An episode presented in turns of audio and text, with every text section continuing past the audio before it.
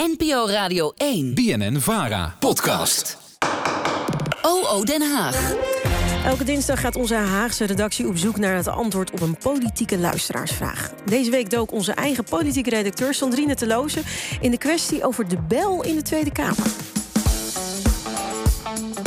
De Nieuwsbv. De vraag Aan Den Haag.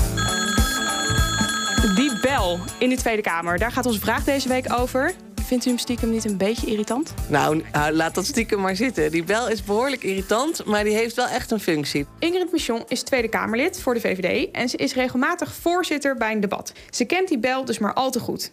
En een luisteraar vroeg zich af, waarom is die bel er eigenlijk? En kan je tegenwoordig niet gewoon een appje sturen? Het belangrijkste is eigenlijk dat je door die bel weet wanneer een debat begint. En er is een uh, bel dat je weet wanneer je moet stemmen. En uh, iedereen zit natuurlijk in dat gebouw, in zijn eigen kantoor, uh, die doet zijn werk. En dus door die bel ben je eigenlijk gericht op wanneer je dus naar de plenaire zaal moet... om daar nou ja, of dus een debat te voeren of om te stemmen. U zei, er zijn verschillende bellen. Kent u ze allemaal? Nou, dat is een goede vraag. Want uh, ik kwam er inderdaad achter dat ik één bel, één soort bel, uh, die zou ik niet weten. Maar er zijn inderdaad verschillende bellen, omdat je, ja, de bel geeft aan wat er gebeurt. Een hele lange bel is de start van een debat. Een hele lange bel, volgens mij is dat trouwens dezelfde lange bel. één minuut een bel geeft aan dat je moet stemmen. Um, maar als je bijvoorbeeld een volgend onderwerp begint, dan heb je volgens mij kort, lang, kort. Of lang, kort. Lang. Kijk mij aan, maar ik weet het niet.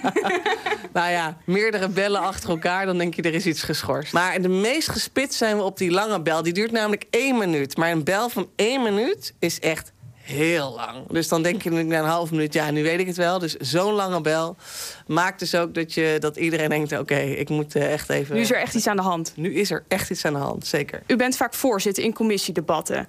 Dan gaat die bel door dat debat heen. Ja, dat is ook uh, inderdaad goed dat u dat heeft opgemerkt. Die commissiedebatten beginnen vaak al om bijvoorbeeld om tien uur s ochtends... en dan het, uh, het debat in de plenaire zaal om kwart over tien. Dus als een commissiedebat dan al even bezig is...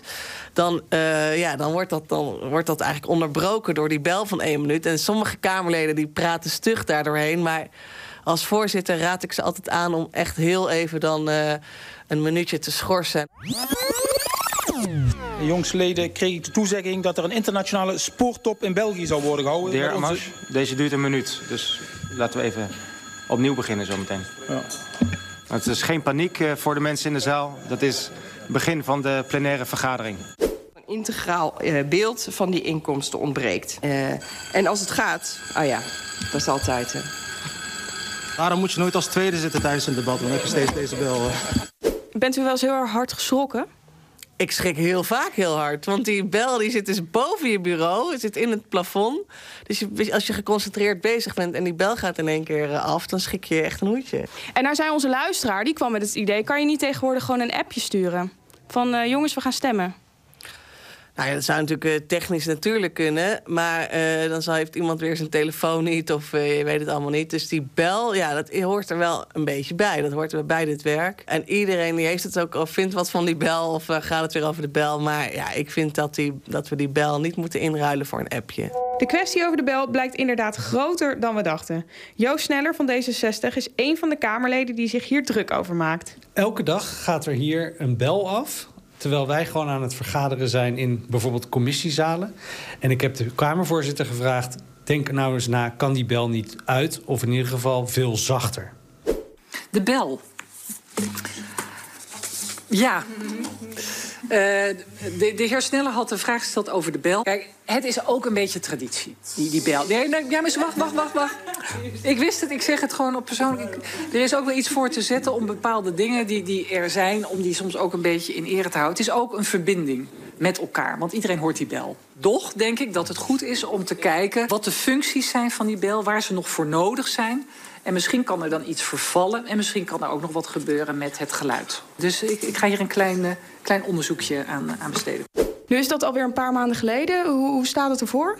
Nou, blijk, blijkbaar een moeilijk onderzoek, uh, want ik heb nog niks gehoord, helaas. Die bel blijft dus nog wel even onderwerp van gesprek. Ja, ik denk eigenlijk dat we het elk jaar over de bel zullen hebben met elkaar... en dat er uiteindelijk uh, niet iets verandert. Dit is eigenlijk een hele ingewikkelde kwestie. Nou ja, het is wel een heel essentieel element eigenlijk in ons werk. Gewoon de bel, ja. Uh, en iedereen hier vindt wat van de bel, dus de bel houdt de gemoederen wel bezig. Ja, heb jij ook een vraag aan Den Haag? Mail die dan naar de Nieuwsbv Politiek apenstaartje bnnvara.nl. En wie weet hoor jij je eigen vraag terug op de radio. NPO Radio 1.